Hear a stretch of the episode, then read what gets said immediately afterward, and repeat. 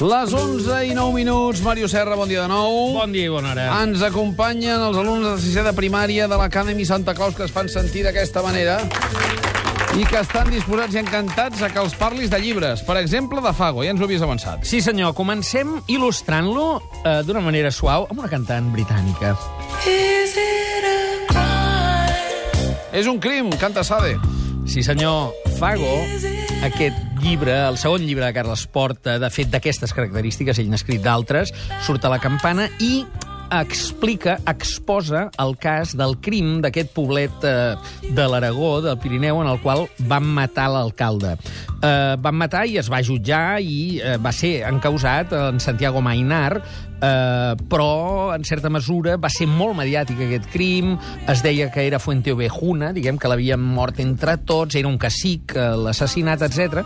Llavors el que fa el Carles Porta, eh, a diferència del seu anterior llibre sobre els crims de Tor, en el qual ell, eh, que va partir d'un reportatge a TV3 i que després ell tenia una presència com a narrador, com a primera persona, el periodista en el relat, aquí fa un pas enrere i posa el focus en la germana, especialment, i en la nòvia de l'encausat, del Santiago Mainar. És veritat que prescindeix del que serien els casos més... la casuística del detall del crim, val a dir que davant del discurs absolutament encès de Mainar, que és un idealista i està en contra del món i és com molt difícil baixar els detalls, el periodista el que fa és posar el reportatge en la quotidianitat d'una, eh, la Marissa, una pobra noia, diguem, que té una botiga de moda, és una, dissenya, una interiorista a Saragossa, i de sobte es troba que son germà doncs, és a la presó, les visites a la presó, tot, tot com viu, hi ha una gran crítica també, però exposada amb molta claredat dels mitjans de comunicació, el tractament que fan d'aquell crim, com entre els advocats i els periodistes determinat tipus de programes de la premsa rosa doncs agafen a una persona normal, com una germana, diguem, eh, i, i la sacsegen, li xuclen tots els diners, eh, els, els advocats, etc. I, en certa mesura, eh, assistim d'una manera molt clara al que podria ser la, una, qualsevol persona, qualsevol de nosaltres, que un familiar de sobte es veiés involucrat o acusat d'assassí, i com això ens afectaria la quotidianitat. Eh, trobo que el Carles Porta ha trobat el to, el porta a tirar enrere, ell no hi surt gens, ho explica en un pròleg, i després fa com un narrador, per tant està molt a prop de la novel·la, eh, hi ha molta part dialogada, transcriu, ha fet s'ha documentat profusament, ha tingut molt de tracte amb la, amb la família, i aleshores la meitat del llibre està en castellà, com aquell qui diu, perquè eh, són aragonesos i transcriu les seves paraules paraules, tant de la Marissa com de la seva nòvia, que la, la posa amb un nom fictici.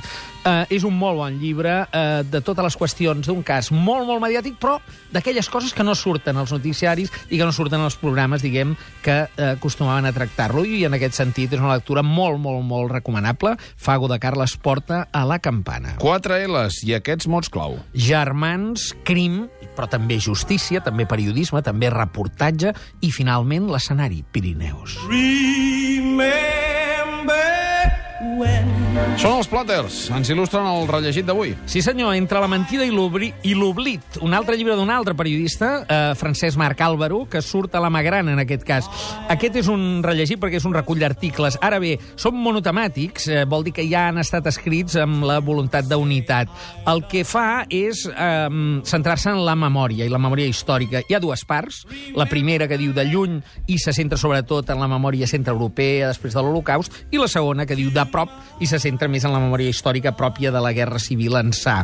Eh, en general, el que està bé és que utilitza molts elements de la ficció, novel·les, pel·lícules, poemes, per contextualitzar, diguem, com qui s'apodera del relat, de la memòria, i si finalment memòria històrica aquests dos termes junts és una contradicció o un pleonasme, no? I ell sosté que és una contradicció, eh? que la memòria, diguem, eh, només la tenen aquells qui eh, ho han viscut, els testimonis, i que la història ja és un relat eh, que mira enrere i que moltes vegades doncs, és una construcció. És interessant en aquest sentit, són eh, articles molt curts i en l'estil d'aquest periodista que coneixem, Francesc Mar Álvaro. Tres L's li has posat amb aquests mots clau. Memòria, clarament, però també holocaust, que és la part, diguem, eh, que ens cau aparentment més lluny, però més intensa, guerra civil, història i política.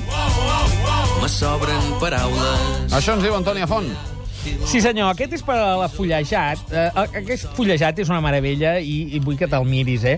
eh? Es diu Petit Atles Lingüístic del Domini Català. Aquest és el tercer volum, ja. És del dialectòleg Joan Beny.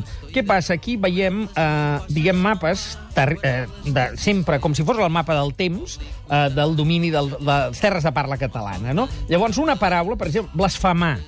I on es diu i on no? Com es diu renegar, on es diu blasfemar, on es diu flastomar, on es diu dir pecats o altres respostes, no? I així vas resseguint amb expressions com a collibe, com el conco, com, com es diu solter, que es pot dir, doncs, fadrí, però també soltero o mosso, no? Com es diu el conco, que vol dir fadrí vell, fadrí magenc, mosso vell, oncle, onclet, o avui potser en diríem single, ja directament, sí, no? Sí, sí, sí. En tot cas, és una manera de presentar que va editar l'Institut d'Estudis Catalans, són uns llibres per entendre'ns costosos, molt ben il·lustrats, són atles, però eh, que fixen la llengua d'una manera, dialectològicament, d'una manera molt visual. I en aquest sentit són molt útils i molt agradables. Eh, convé recomanar-los perquè no són d'aquells llibres que estiguin a primera fila a les llibreries de novetats. És una obra d'en Joan Beny, aquest dialectòleg menorquí, que ja porta molts anys. Estem en el volum tercer d'aquest petit atles, que és la versió, diguem, divulgativa d'un gran atles, d'aquells que no te'l pots endur si no tens un carretó. Doncs eh, és una novetat editorial, és el fullejat d'avui. Màrius Serra, moltíssimes gràcies. A reveure. Tu ets aficionat a córrer mitges maratons o maratons, o sortir el... de nit a córrer, no? Sortir de nit, sí. Fins aquí, de sortir sí. de nit, sí. Córrer, depenent de com ho definim, jo crec que m'he de reciclar, perquè ara es corre molt, però jo no he corregut mai gaire. Ara es corre molt. Es corre bé. D'això en parlem en els molt propers bé. minuts al matí de Catalunya Ràdio. 9 3 2 0 1 7 4 7 4. Les vostres experiències seran benvingudes.